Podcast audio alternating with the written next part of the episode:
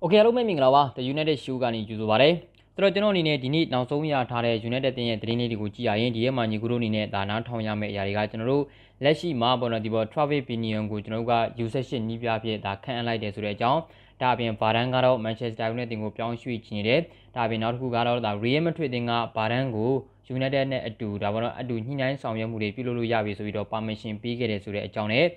ဖူဟန်တင်းရဲ့နောက်ခံကစားမဖြစ်သူဂျိုအာဂျင်အန်ဒဆန်ကိုမန်ချက်စတာယူနိုက်တက်ရဲ့တာဝန်ရှိသူတွေကစောင့်ကြည့်မှုတွေပြုလုပ်လာတယ်ဆိုတဲ့အကြောင်းအပါအဝင်မကြာခင်မှာကာမာဗင်ကာနဲ့အတူယူနိုက်တက်တင်ဘက်ကဒါပေါ်တော့ညှိနှိုင်းဆွေးနွေးမှုတွေပြုလုပ်သွားတော့မှာဖြစ်တဲ့ဆိုတဲ့အကြောင်းတွေကိုညီကိုတို့စိတ်ဝင်စားသွားနားဆင်ရမှာပါဆိုတော့တကယ်ကိုကောင်းတဲ့အပြောင်းရွှေ့တွေသတင်းတွေပါဝင်တယ်လို့ယူနိုက်တက်တင်ရဲ့စိတ်ဝင်စားဖို့ကောင်းတဲ့အကြောင်းအရာလေးတွေလည်းပါတယ်ဆိုတော့ပထမဆုံးကြည့်အောင်ဗျဒီတစ်ခုကဘာလဲဆိုတော့ဒါကတော့လူငယ်အတင်းဆိုတော့ညီကိုတွေတချို့သိတော့စိတ်ဝင်စားမှာတော့စိတ်ဝင်စားမယ်တော့မထင်ဘူးဒါပေမဲ့လည်းဒါအရေးကြီးတယ်ပေါ့နော်ဒါပါလဲဆိုတော့ကျွန်တော်တို့ လက်ရှိမှာ Manchester United အသင်းရဲ့ U18 နီးပြပြဆောင်ရွက်နေတာဒီ Neil Ryan ဖြစ်တယ်။ Neil Ryan ကလောလောဆယ်မှာဆိုလို့ကျွန်တော်သူက U23 ရဲ့နီးပြဖြစ်တဲ့ပေါ့နော်ဒီပေါ်နေဝူရဲ့ပြီးမှာ assistant coach ဖြစ်သူကဆောင်ရွက်ရတော့မှာပါ။ဘာလို့လဲဆိုတော့သူ့ရဲ့နေရာကိုဟို Sheffield United အသင်းကနေပြီးတော့ကျွန်တော်တို့ကဒီပေါ်နော် Travis Pinion ဆိုတဲ့နီးပြကိုခေါ်ပြီးတော့ကျွန်တော်တို့က U18 Manchester United ရဲ့ U18 နီးပြဖြစ်ခန့်အပ်လိုက်တာပါ။ဆိုတော့ သူကတော့လောလောဆယ်မှာဒီပေါ်တော့ Sheffield United တမှာ U16 တို့ဘာလို့မှနီးပြခဲ့ဘူးတဲ့ Travis Binian ကဆိုတော့လက်ရှိမှာ Clayton ကိုရောက်လာပြီးရောက်လာပြီးတော့ဒါ U18 ဖြစ်ကျွန်တော်တို့ကတော့နော်ဒါ U18 တင်ရဲ့နီးပြပြင်မြင်တွေ့ရတော့မှာပါဆိုတော့ဒီ Travis Binian ကဘယ်သူလဲဆိုတော့မြင်သာအောင်ပြောရရင်ကျွန်တော်တို့ Sheffield United တင်မှာ Harry Maguire တို့ပြီးလို့ရှိရင်ကျွန်တော် Dominic Calvert-Lewin တို့ကိုပြုစုပေးပြိုးထောင်ပေးခဲ့တဲ့နီးပြဖြစ်တယ်ဆိုတော့သူ့ပေါ်မှာကျွန်တော်တို့မျှော်လင့်ချက်အများကြီးထားလို့ရတယ်ဒါပြင်သူကလောလောဆယ်မှာဆိုလို့ရှိရင်တော့ပေါ့နော်ဒီကဒီပေါ်ကျွန်တော်တို့ရဲ့ ဒီပေါ်အရင် United ရဲ့ Academy နီးပြဟောင်းဖြစ်တဲ့ဒါ Nisco တို့နဲ့တူလဲသူကဒီ Sheffield United မှာလက်တွဲလှုပ်ဆောင်ခဲ့ဘူးသူဖြစ်တယ်ဆိုတော့ဘာပဲပြောပြောလက်ရှိ United ကိုရောက်လာတဲ့ခါမှာသူနဲ့ရင်းနှီးတဲ့ဆက်ဆံရေးရှိတဲ့ဤပြအဖွဲ့ဝင်တွေရောကစားမားတွေကိုရှိတယ်ဆိုတဲ့ပုံစံပဲဆိုတော့ကျွန်တော်တို့ကသူ့စီကနေပြီးတော့အာဒါတခုခုရဖို့တော့မျှော်လင့်လို့ရတယ်ဆိုတော့ဒီပေါ့နော် Ryan ကခုနကပြောတဲ့ကျွန်တော်တို့ရဲ့ဒီပေါ့ Neil Ryan ကတော့ဒီပေါ့ဒီဘလူးသူကတော့ပြီးခဲ့တဲ့ကျွန်တော်တို့ဒီပေါ့နော်ဒီလွန်ခဲ့တဲ့3နှစ်လောက်တုန်းက U18 အတင်းရဲ့နီးပြပြခန့်အပ်ခံရတယ်လက်ရှိမှာဆိုလို့ကျွန်တော် UNICEF 3မှာ သူ့ကိုဒါပေါ့နော်ဒီပေါ့နေဦးနဲ့အတူဆောင်ရွက်ဖို့အတွက်ကျွန်တော်တို့ကဒါယာရုတွန်းပေးလိုက်တဲ့သဘောပဲဒါပေမဲ့သူ့သူ့ကိုဘာကြောင့်အဲ့လိုမျိုးတွန်းပေးလိုက်လဲဆိုတော့ United အသင်းတောင်ရှိတွေစီစဉ်ထားတာတခုရှိတယ်လူငယ်အကယ်ဒမီအသင်းဖြစ်တဲ့ UNICEF 3အသင်းရဲ့ကစားသမားတွေကိုပြီးခဲ့တဲ့ယာဒီကထက်ပိုငယ်တဲ့ကစားသမားတွေကိုလိုချင်တယ်အထူးသဖြင့်ကျွန်တော်တို့က UNICEF 3ကစားသမားတွေဆိုတာကအလုံးနဲ့တည်တဲ့အတိုင်းပဲ UNICEF 3ကိုအသက်23ကိုကြိုလို့မရတဲ့ကစားသမားတွေဒါပေမဲ့ကျွန်တော်တို့ကစားသမားတွေက ဘယ်လိုလဲဆိုတော့ပေါ့နော်ဒီပေါ်20တို့22တို့ဒီပတ်ဝန်းကျင်တွေများတယ်ဗျာ18တို့ဘာလို့လဲပါတော်လဲပဲပေါ့နော်အများအားဖြင့်20ဝန်းကျင်နီးပါးကစားသမားတွေဆိုတော့ဒါ UNICEF 3တင်မှာက United တာဝန်ရှိသူတွေကလူငယ်ဖွံ့ဖြိုးရေးတွေကိုပို့ပြီးတော့ဦးစားပေးလှုပ်ဆောင်လာကြတယ်ဆိုတော့ကျွန်တော်တို့က UNICEF 3တင်မှာပြီးခဲ့တဲ့ရာသီကတည်းကပို့ပြီးတော့ငယ်တဲ့ကစားသမားတွေကို UNICEF 3မှာ train စေချင်တာ ဆိုတော့ဒါကြောင့်လဲကျွန်တော်တို့က U78 course တို့ U78 ကနေပြီးတော့ဗောနော်တကယ်ကိုကောင်းတဲ့ရည်သွေးတွေကိုကျွန်တော်တို့လိုချင်တာကြောင့်ဒီ Sheffield မှာကျွန်တော်တို့ဒီမကွမ်းရတို့ Dominic Calvert-Lewin တို့အပါအဝင်တခြားကစားသမားတွေကိုဒါပြုစုပြောထောင်မှုတွေပြုလုပ်ခဲ့တဲ့ဒါ Travis Pinion ကိုကျွန်တော်တို့က U78 နီးပြအဖြစ်ခန့်အပ်လိုက်တာဆိုတော့သူစီကနေပြီးတော့အသက်16နှစ်ရွယ်ဝန်းကျင်ကစားသမားတွေကိုကျွန်တော်တို့က UNICEF 3မှာရအောင်ထားမယ်အဲ့ဒီ UNICEF 3မှာလက်ရှိရှိနေတဲ့ကစားသမားတွေကိုကျွန်တော်တို့ကအတွေ့အကြုံများများရစေချင်တာကြောင့်ဥရောပတဝန်ကကလပ်အသင်းတွေကိုသူတို့တွေဒါဘောနော်ဒီအငှားထွက်ကစားစီမယ် United ရဲ့အနာဂတ်မှာအမှန်တကယ်မျှော်လင့်လို့ရမယ့်ကစားသမားတွေကိုကျွန်တော်တို့ကသူတို့ကိုဒါလောလောဆယ်မှာအသင်းကြီးတွေကိုတွားပြီးတော့ကစားစီခြင်းပြရှင်းရှင်းပြောလို့ရှိရင်တော့ကျွန်တော်ငငယ်ရွယ်ရွယ်နဲ့အသင်းကြီးမှာသူတို့ကိုတုံးချခြင်းတယ်သူတို့ရဲ့ရည်သွေးတွေကိုငငယ်ရွယ်ရွယ်နဲ့ဖော်ဆောင်ခြင်းတယ်ဆိုတော့ဒီလိုမျိုးလိုတဲ့အခါမှာဒီကစားသမားတွေကပွဲကစားခွင့်ဆိုတာလိုအပ်တယ်ဗျာပွဲကစားခွင့်ဆိုတာလည်း UNICEF 3ဆိုတော့အလုံးလေးတည်တယ်ဒါပေမဲ့လူငယ်အသင်းတွေမှာကစားနေရတာအဲဒါမျိုးဆိုလို့ချင်းတော့လူငယ်အသင်းမှာကစားနေတဲ့ပရီးမီးယားလိမှာချက်ချင်းခြေချဖို့ကမလွယ်ဘူးအတွေ့အကြုံတွေသူတို့ဒါလိုအပ်တယ်ဆိုတော့ဥရောပတခွင်မှာ ဘယ်လိုအသင်းမျိုးကိုပဲဖြစ်ဖြစ်ဒါပုံမှန်ပွဲထွက်ခွင့်အသင်းကြီးမှာရနိုင်မယ့်အသင်းတွေကိုသူတို့ကလက်ရှိမှာအငှားချကစားသွားဖို့အတွက်ပြင်ဆင်နေတာဒါကြောင့်လို့ကျွန်မဆိုလို့ကျွန်တော် U78 နီးပြအသစ်ဖြစ် Travis Binian ကို Sheffield United တင်ကနေခန့်အပ်လိုက်တယ်ဒါအပြင်လက်ရှိ U78 နီးပြဖြစ်တဲ့ Neil Ryan ကိုတော့ UNICEF 3နီးပြဖြစ်တဲ့ Newu ရဲ့ဒါပေါ်နော် assistant ဖြစ်သူကခန့်အပ်လိုက်ပါတယ်ဆိုတော့ကျွန်တော်တို့ကဒီရွယ်ချက်ဒီအာ UNICEF 3တင်းရဲ့လူငယ်ကစားမတွေကိုတက်နိုင်နေများပြီးခဲ့တဲ့နှစ်ကတည်းကပို့ပြီးတော့အသက်ငယ်တဲ့ကစားမတွေကိုလိုချင်တယ် ပြီးခဲ့တဲ့နှစ်ကကစားခဲ့တဲ့ UNICEF 3ကကစားမတွေကိုဒီနှစ်လောလောဆယ်မှာဆိုလို့ချင်းတော့ကျွန်တော်တို့ကတခြားအသင်းတွေမှာတွားပြီးတော့အငှားထွက်ကစားစီခြင်းကြတယ်။အဲကြောင့်လောလောဆယ်မှာဒီလိုမျိုးအစီအစဉ်ကြောင်းပေါ့နော်လက်ရှိမှာခန့်အပ်လိုက်တာပါဘလို့သူတို့ကပြောထားတယ်ဆိုတော့ဘာပဲပြောကျွန်တော်တို့ကတော့ညီပြပြည်သူအိုလီဂနာဆိုရှာရဲ့လက်ဆွဲတော်အရာရော United ရဲ့ဒါထုံးစံအရာရောလူငယ်ကစားမတွေကိုအတိကဒါပေါ့နော်သူတို့အနေနဲ့ဒါဖွံ့ဖြိုးတိုးတက်စေခြင်းနဲ့လူငယ်ကစားမတွေအများကြီးပေါ်ပေါက်စေခြင်းနဲ့ဆိုတော့ ဒါကြောင့်လည်းကစားသမားတွေကိုအများကြီးပေါ်ပေါက်ရေးလှုပ်ဆောင်နေတာဒီလိုမျိုးလည်းအရေးကြီးတဲ့အရာတွေကတခုကိုလက်ရှိမှာလှုပ်ဆောင်နေတာပါဆိုတော့ဘလောက်ပဲဖြစ်ဖြစ်ကျွန်တော်တို့ကတော့လောဆယ်မှာစောင့်ကြည့်ရတော့မှလည်းဖြစ်ပါတယ်ဆိုတော့ဒီပေါ့နော်ဒီပေါ့ဘိုင်ယန်ကတော့ဒါကီရင်မကီနာရဲ့ U18 နေရာကိုသူကလောလောဆယ်မှာယူထားတဲ့သူဆိုတော့စောင့်ကြည့်ရမယ်လက်ရှိမှာ Travis Binian ဘာလို့ပြနိုင်မလဲပေါ့နော်ဆိုတော့အာလူငယ် Academy တင်းဆိုတဲ့အခါကျတော့ဒီတော်တော်များများလေးကျွန်တော်တို့ကဒီအတင်းကြီးတော့ကျွန်တော်တို့တွေစောင့်ကြည့်နိုင်မှာမဟုတ်ဘူးဒါပေမဲ့ခြေသွန်းထွက်တဲ့ကစားမတွေရလာတဲ့ခါမှာဘယ်သူလက်အောက်ကထွက်လဲဆိုတော့ကျွန်တော်ကြည့်လို့ရတယ်ပေါ့များတော့ဆိုတော့ထားပါနောက်တော့တစ်ခု နောက်တော့ကျွန်တော်ဆက်လက်ကြည့်ရမယ်ဆိုလို့ကျွန်တော်ဒါပါလဲဆိုတော့လာဖာယယ်ဘာရန်ဟာမန်ချက်စတာယူနိုက်တက်ကိုပြောင်းရွှေ့ခြင်းသိရှိနေတယ်ဒါအပြင်ကလပ်တင်းကတော့ဒီသူနဲ့တရားဝင်ပေါ်နေသူကညှိနှိုင်းဆွေးနွေးမှုတွေလည်းမပြုလုပ်ရသေးဘူးလို့လည်းကျွန်တော်သိရတယ်ဆိုတော့ပြောချင်တာကလောလောဆယ်မှာဒါကဘာလဲဆိုတော့ Sport Witness ကဖော်ပြထားတာကို United Black ကပြန်လည်ပြီးတော့ Twitter မှာရေးသားထားတယ်ဒါဘာလဲဆိုတော့ဘာတိုင်းရဲ့အခြေအနေနဲ့ပတ်သက်ပြီးတော့လောလောဆယ်မှာ Real Madrid နဲ့ Manchester United ရဲ့ကြားမှာ ဒီပေါ်တော့ဒီပေါ်ဒီပေါ်ဆွေးနွေးမှုတွေပြုလုပ်ဖို့အတွက်လက်ရှိမှာစောင့်ကြည့်နေကြဆဲဖြစ်တဲ့ Real Madrid ကလည်းကစားမကိုပြတ်နိုင်ခြင်းများတော့တက်တန်းတူးခြင်းမိမယ်ကစားမရဲ့ဘက်ကလုံးဝကိုစိတ်ဝင်စားခြင်းမရှိတော့ဘူးဆိုတဲ့အနေအထားမျိုးတွေမှာသူ့အနေနဲ့ကလပ်တင်းကိုတော့တရားဝင်မငင်းရသေးဘူးဒါပေမဲ့ဒီသူစာချုပ်ကိုတော့ချုပ်ဆိုဖို့အတွက်ပယ်ချထားတာတော့မှန်တယ်ဒါပေမဲ့ဗျာ Real Madrid မှာဆက်လက်ရှိနေခြင်းချင်းမရှိတော့ဘူးလို့ဘာလို့တော့သူတော့တရားဝင်မငင်းရသေးဘူးဆိုတဲ့အနေအထားတွေမှာကစားမအတွက်ရွေးချယ်စရာရှိနေသေးတယ်ဒါပါလဲဆိုတော့ Real Madrid နဲ့တက်တန်တိုးလို့ရရနိုင်သေးတယ်လို့ Manchester United တင်ကိုဖြစ်ဖြစ်တခြားကလပ်တင်းတစ်ခုခုကိုဖြစ်ဖြစ်ပြောင်းရွှေ့ဖို့အတွက်သူ့အတွက်အခွင့်အရေးရှိသေးတယ်ပြီးခဲ့တဲ့နေ့က Real ကကန်လန်းတဲ့စာချုပ်တွေကိုကန်လန်းခဲ့တာတော့အာသူသူကပယ်ချခဲ့တာတော့အမှန်ပဲဒါပေမဲ့ပယ်ချခဲ့တာဒီသူက Real Madrid မှာဆက်လက်မနေတော့ဘူးလို့ဆိုတော့မဟုတ်ဘူးဆိုတော့ပြောချင်တာက Real Madrid က United နဲ့ Dan တူနောက်ထပ်လောက်ခလာစာပေးပြီးတော့ကန်လန်းလာနိုင်ခဲ့မယ်ဆိုလို့ရှိရင်တော့ကစားမကလက်ခံကောင်းလက်ခံသွားနေတယ်အဲ့လိုမှမဟုတ်ဘဲနဲ့ Real Madrid ဘက်ကဒါကိတ်ဆုံးမဲဆိုပြီးတော့ပြောထားခဲ့တဲ့အတိုင်း ထပ်ပြီးတော့ကန့်လန့်မှုမရှိတော့ဘူးဆိုလို့ကျွန်တော်ကစားမက United ကိုပြောင်းရွှေ့သွားနိုင်မယ့်အနေအထားမျိုးပဲဆိုတော့ပြောချင်တာကလက်ရှိလောလောဆယ်မှာကစားမဖြစ်သူရဲ့ဘောနော်တော်လူဆုံးဖြတ်ချက်ပဲလိုတော့တာသူကလောလောဆယ်မှာကလပ်တင်ကနေလုံးဝကိုကလပ်တင်မှာဆက်လက်မနေနိုင်တော့ဘူးလို့ဆုံးဖြတ်မှာလားဒါမှမဟုတ်ဘူးဆိုလို့ရှိရင်လည်းဘယ်လိုဆုံးဖြတ်မလဲပေါ့သူ့ရဲ့ဆုံးဖြတ်ချက်ကအများကြီးမူတည်နေတယ်ဆိုတော့ Real ရဲ့စာချုပ်တရံကန့်လန့်မှုကိုပယ်ချထားတာတော့မှန်တယ်ဒါပေမဲ့တရားဝင်ထွက်ခွာမယ်လို့သူမဆုံးဖြတ်ပေးဘူးဆိုတော့ဘယ်လိုမျိုးတွေဆက်လက်ပြီးတော့ဖြစ်လာမလဲစောင့်ကြည့်ရမှာပါလက်ရှိအနေထားကတော့ဗျာရှင်းပါတယ်ကျွန်တော်တို့ကစားမကစာချုပ်တရံကလည်း မကျင်ဘူးပြီးလို့ရှိရင်ဒါသူ့ရဲ့အတင်းဖြစ်တဲ့ Real ကကန်လန်းထားတဲ့စာချုပ်တရံနှစ်ကြိမ်ကိုလည်းသူပယ်ချခဲ့တယ်အထူးသဖြင့်ဘာလဲဆိုတော့အာဒီဘောနော်သူက Real Madrid ဘက်ကဘာတန်းကိုတက်တန်းတိုးဖို့အတွက်နှစ်နှစ်ပဲကန်လာတယ်လောက်ကလာဇာကလည်းဘောနော်ဒီဘောဒီဘယ်လိုလဲဒီဘောကစားမလူချင်းတဲ့ဒေးဗစ်အလာဘာနဲ့ဒန်တူရနိုင်မဲ့လောက်ကလာဇာကို Real ကဘလို့နီးနဲ့မှပြီးချင်နိုင်စွာမရှိဘူးဆိုတဲ့အခါကျတော့ကျွန်တော်ကစားမကအဲ့ဒါတွေအကုန်လုံးကိုလှုပ်ပြီးနိုင်တဲ့ Manchester United ကိုပြောင်းဖို့ပဲသဘောကျနေတာ United ဘက်ကတော့ရှင်နဲ့9နှစ်တက်တန်းတိုးမယ် မင်းမင်းတနည်းလောက်ကလာစားယူရို12တန်းဆိုတဲ့အခါကျတော့မင်းဒေးဗစ်အလာဘာနဲ့ကွက်တီပဲပြောချင်တာကဒေးဗစ်အလာဘာကလည်း12တန်းရတယ်ဗျာတကယ်တော့ဒေးဗစ်အလာဘာကတော့24တန်းရတာပေါ့ဗျာဒါပေမဲ့လည်းစပိန်က90ရာခိုင်နှုန်းဒါအခွန်ဆောင်ရတယ်ဆိုတဲ့အခါကျတော့22တန်းပေါ့ဆိုတော့ပြောချင်တာကကစားမကအဲ့ဒီလိုမျိုး offer ကို United အတင်းဒီပေါ့ United ဘက်ကနေရထားပြီးမဲ့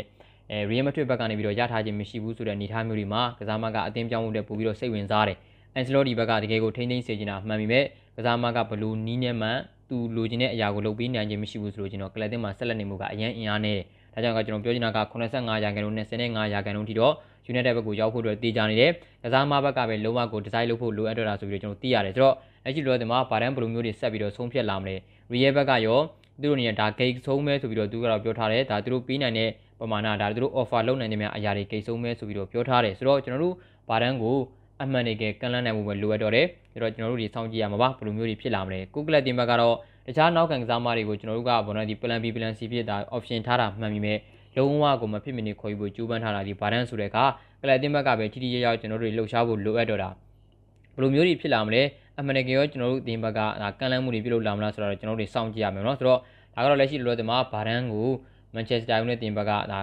မော်နော်ဒီကအများကြီးအခွင့်အရေးရှိနေတယ်လို့ကစားမဖြစ်သူရဲ့ဆုံးဖြတ်ချက်ကလည်းသူ့ရဲ့အနာဂတ်မှာ အများကြီးအရေးပါတယ်ဆိုတာကိုဒါကျွန်တော်နော်ဒါပြောပြခဲ့တာပါအဲနောက်တစ်ခုကျွန်တော်တို့ကြည့်ရမယ်ဆိုလို့ကျွန်တော် Real Madrid အသင်းကဘောနော်ထပ်ပြီးတော့ပြောထားတယ်ဗျဒါပါလဲဆိုတော့အဲကစားမဖြစ်တဲ့ရာဖာယယ်ဘာရန်ကိုမန်ချက်စတာယူနိုက်တက်တင်တဲ့တူဒါညှိနှိုင်းဆွေးနွေးခွင့်ကိုခွင့်ပြုလိုက်ပြီးတော့ကျွန်တော်သိရတယ်ဆိုတော့ရှင်းပါတယ်ကစားမကိုမင်းတို့ရောင်းချမယ်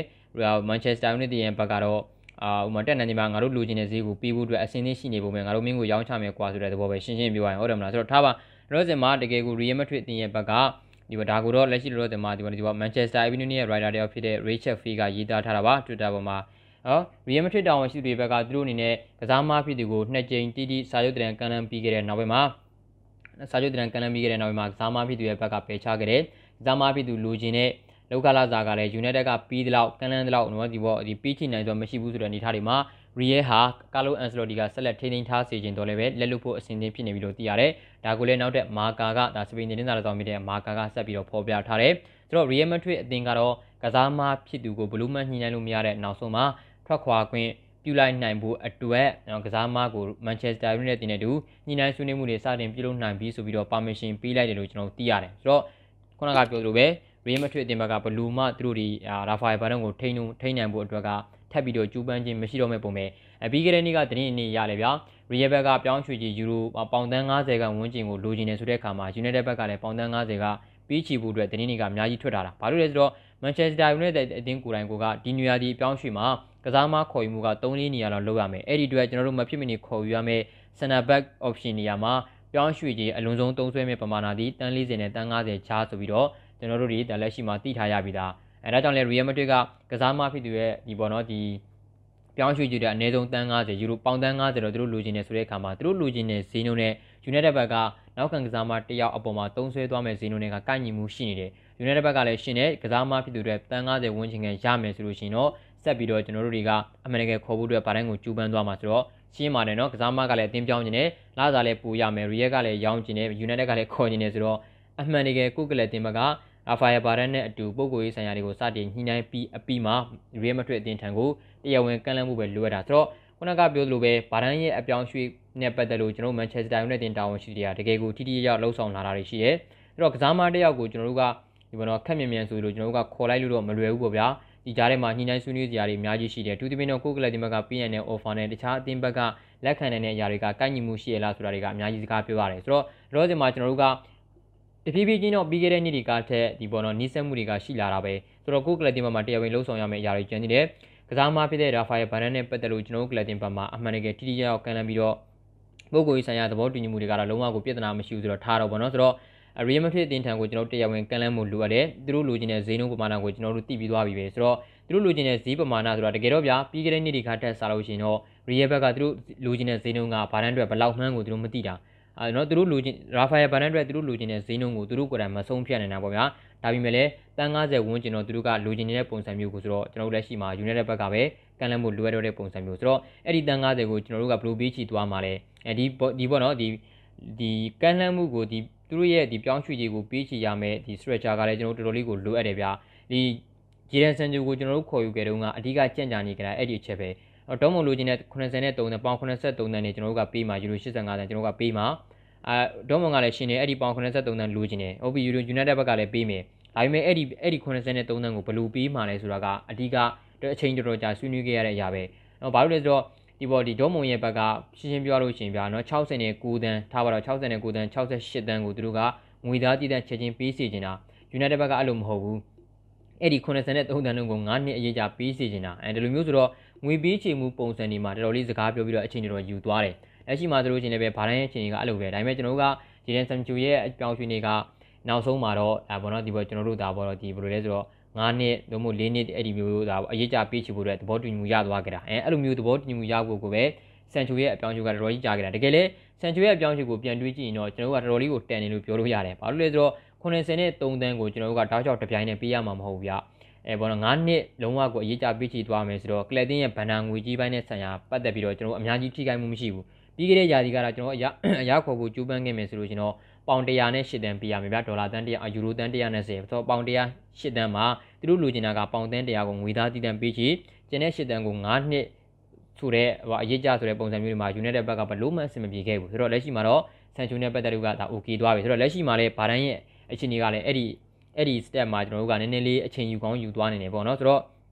Real Madrid ရဲ့ဘက်ကသူတို့ကိုယ်ကန်ကိုကလောလောဆယ်မှာတန်း90ဝန်းကျင်ခန့်လိုချင်တယ်ဆိုပြီးတော့အပြောင်းအရွှေ့တွေမှာသတင်းထွက်ထားပြီးမြဲသူတို့ဘလောက်ထိအတိအကျလိုချင်လဲဆိုတာကိုသူတို့ကိုယ်တိုင်မဆုံးဖြတ်နိုင်ဘူးဖြစ်နေတာဆိုတော့ဗာဒန်နဲ့ပတ်သက်လို့ကျွန်တော်တို့ကအလွန်ဆုံးတန်း90အောက်ထစ်ဆုံးတန်း40ကနေစပြီးတော့ဗာဒန်ရဲ့အပြောင်းအရွှေ့မှာကျွန်တော်သုံးဆွဲခြင်းနဲ့ Real Madrid ဘက်ကဘလောက်ထိလိုချင်တယ်လဲဆိုတာပုံမှန်လင်းလင်းပြောဖို့လိုအပ်တယ်လို့ဗာဒန်ကလည်း Manchester United တင်တဲ့တူပြောင်းရွှေ့နေမှုတွေတရားဝင် ဒီပါ Real Madrid တင်ရဲ့ဘက်ကပါမရှင်ပေးလိုက်ပြီးညီနိုင်ဆွေးနွေးမှုတွေပြုလုပ်ရပြီပြုလုပ်လို့ရပြီဆိုတဲ့အကြောင်းဆိုတော့ရှင်းပါတယ်ကျွန်တော်တို့ Real Madrid တင်တဲ့တူကျွန်တော်တို့ Manchester United တင်ကကလပ်တင်းတစ်ခုကြာမှဒါအပြောင်းရွှေ့ပိုင်းဆိုင်ရာတွေကိုညှိနှိုင်းဆွေးနွေးမှုတွေအများကြီးလိုအပ်လာတယ်။ဗာဒန်ရဲ့ဒီပေါ်ဆုံးဖြတ်ချက်ကလည်းအများကြီးအရေးကြီးလာတယ်ဆိုတဲ့အနေအထားမျိုးတွေမှာကျွန်တော်ကျွန်တော်တို့တွေလာမယ့်နေ့ဒီမှာဘယ်လောက်ထိမျှော်လင့်လို့ရမလဲဆက်လက်ဆောင်ကြည့်ရတော့မှာလည်းဖြစ်ပါတယ်ဆိုတော့ထားပါဒါကတော့လက်ရှိမှာဗာဒန်ရဲ့အခြေအနေနဲ့ပတ်သက်လို့ပေါ့နော်ဆိုတော့အဲနောက်တစ်ခုသူအားရရင်ကျွန်တော်တို့လက်ရှိမှာဗာလဲဆိုတော့ အဲဒီပေါ့ဒီယူရို2020ပြိုင်ပွဲမှာတော်တော်လေးကိုမျက်စိကျစရာဖြစ်နေတဲ့နောက်ခံကစားမှာဒါပါလဲဆိုတော့ဂျိုဂျင်အန်ဒါဆန်တော်တော်လေးတော့အားနေပါတယ်ခွန်နိုင်မှုကအခွင့်အရေးတော့အများကြီးတိတ်တော့မရှိဘူးဘာလို့လဲဆိုတော့ကလပ်တင်ဘက်ကအများကြီးစိတ်ဝင်စားတဲ့အနေထားဒါပေမဲ့လောလောဆယ်မှာဖူမာကာတိုဆိုတဲ့သတင်းစာရဲ့ဖော်ပြချက်အရ Manchester Evening News ရဲ့ writer တယောက်ဖြစ်တဲ့ Richard Fee ရဲ့ရေးသားချက်အရရော United ဟာ Premier League မှာအမှန်တကယ်ကိုပြီးခဲ့တဲ့ရာသီက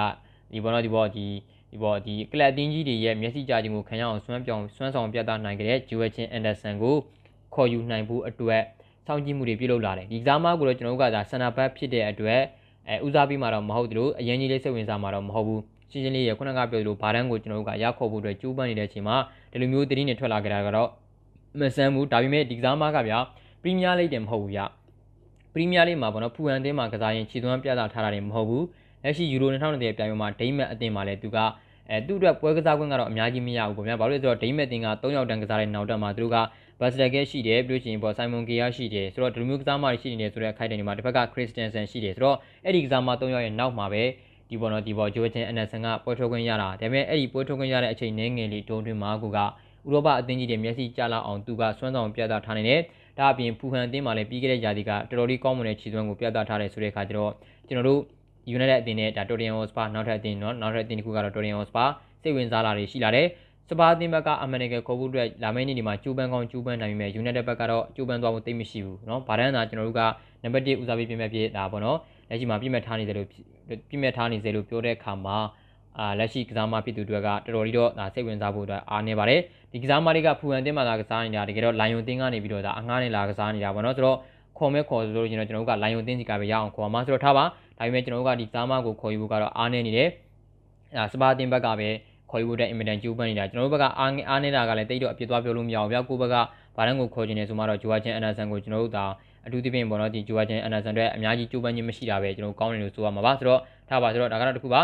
အဲနောက်ထပ်ကိုကျွန်တော်တို့ဒါနောက်ဆုံးတစ်ခုအနေနဲ့ကျွန်တော်ကြည့်ရမယ်ဆိုလို့ကျွန်တော်ကာမာဗန်ကာပါဒီရက်ပိုင်းတိုးတီနေမှာကာမာဗန်ကာနဲ့ဘာဒန်ရဲ့အပြောင်းအလဲကတော်တော်လေးကိုလှုပ်လှုပ်ခက်ခက်ဖြစ်လာတယ်နော်ဆိုတော့ဘာပဲဖြစ်ဖြစ်ပြင်သစ်ကလာတဲ့သတင်းတွေရရောလက်ရှိဗီဒီမီဒီယာရဲ့ဖော်ပြချက်အရအပါဝင်ယုံကြည်ရတဲ့ channel လေးတွေရဲ့ဖော်ပြချက်အရာပါဆိုလို့ကျွန်တော် မန်ချက်စတာယူနိုက်တက်တင်ဟာမကြာခင်မှာကျွန်တော်တို့အာဒရီဒိုကာမာဘင်ကာကိုခေါ်ယူနိုင်ဖို့အတွက်ညှိနှိုင်းဆွေးနွေးမှုတွေစတင်ပြုလုပ်ဖို့အတွက်ကြိုးပမ်းသွားတော့မယ်ဆိုပြီးကျွန်တော်သိရတယ်ဆိုတော့ဒါကတော့လောလောဆယ်မှာ Fabrizio Romano တို့ပြီးလို့ရှိရင်ပေါ့နော်ဒီပေါ် Skywalk Football တို့အဲကျမှ Manchester Evening News တို့ပြီးလို့ရှိရင်ကျွန်တော်တို့ဒါဒီဗာလဲဒီပြင်သစ်ရဲ့အင်မတန်ကိုယုံကြည်ရတဲ့ဒါပေါ်တော့ဒီပေါ်ဒီတင်းတော်တယောက်ဖြစ်တဲ့မိုဟာမက်ဒီပေါ်ဘူဟာစီတို့လိုသူတွေကဖော်ပြထားတာဆိုတော့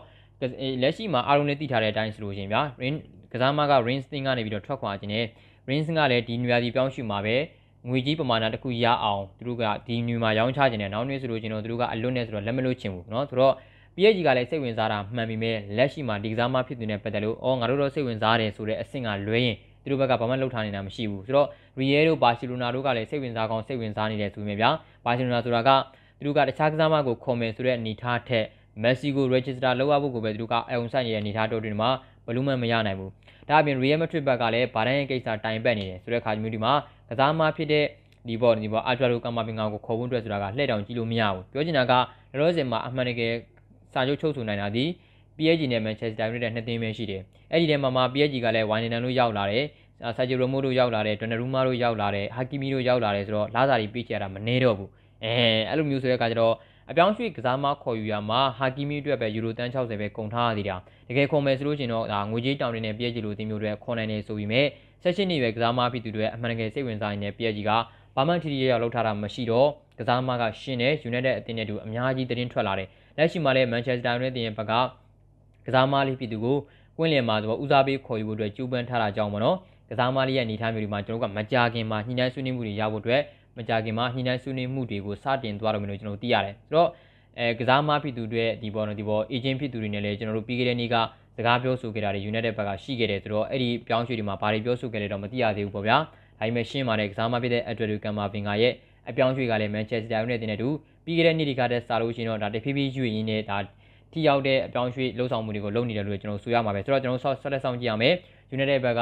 အမေရိကန်ကန်လန့်လာမလားဆိုတော့ဒါဆောင်ကြည့်ရမှာပါဘာပဲပြောပြော ပြီးခဲ့တဲ့နွေရာသီပြောင်းရွှေ့တွေထက်စားလို့ရှိရင်တော့ဒီနွေရာသီပြောင်းရွှေ့က United ရဲ့တာဝန်ရှိသူတွေရဲ့လှုပ်ဆောင်မှုတွေကိုတော့ဒါပို့ပြီးတော့ကျွန်တော်တို့တွေဒါเนาะဒီပေါ်အားရခြင်းနဲ့ပဲကောင်းတယ်လို့ကျွန်တော်ဆိုရမယ်ဆိုတော့စောင့်ကြည့်ရမယ်ဘေကစားမကိုအမေရိကန်ခုတ်ဖို့အတွက်ကျူးပန်းလာမယ်ဆိုတာစောင့်ကြည့်ရမှာပါโอเคဆိုတော့ထားပါအဲဒါတွေကတော့လက်ရှိဒီနေ့မှာရခဲ့တဲ့နောက်ဆုံးရထားတဲ့ Manchester United တင်တဲ့ပတ်သက်တဲ့သတင်းတွေကိုတင်ဆက်ပေးကြတာပါအဲဒီထဲမှာညီကတို့အတွက်ဒါစိတ်ဝင်စားဖွယ်တဲ့သတင်းတွေလည်းပါဝင်သွားနိုင်လိမ့်မယ်လို့မျှော်လင့်ပါတယ်ဆိုတော့နောက်ရက်ဒီမှာဆက်လက်တွေ့နိုင်မှုမျှော်လင့်ပါတယ်အားလုံးကိုကျေးဇူးတင်ပါတယ်ဗျရေတော်ဘုံအောင်ရမည်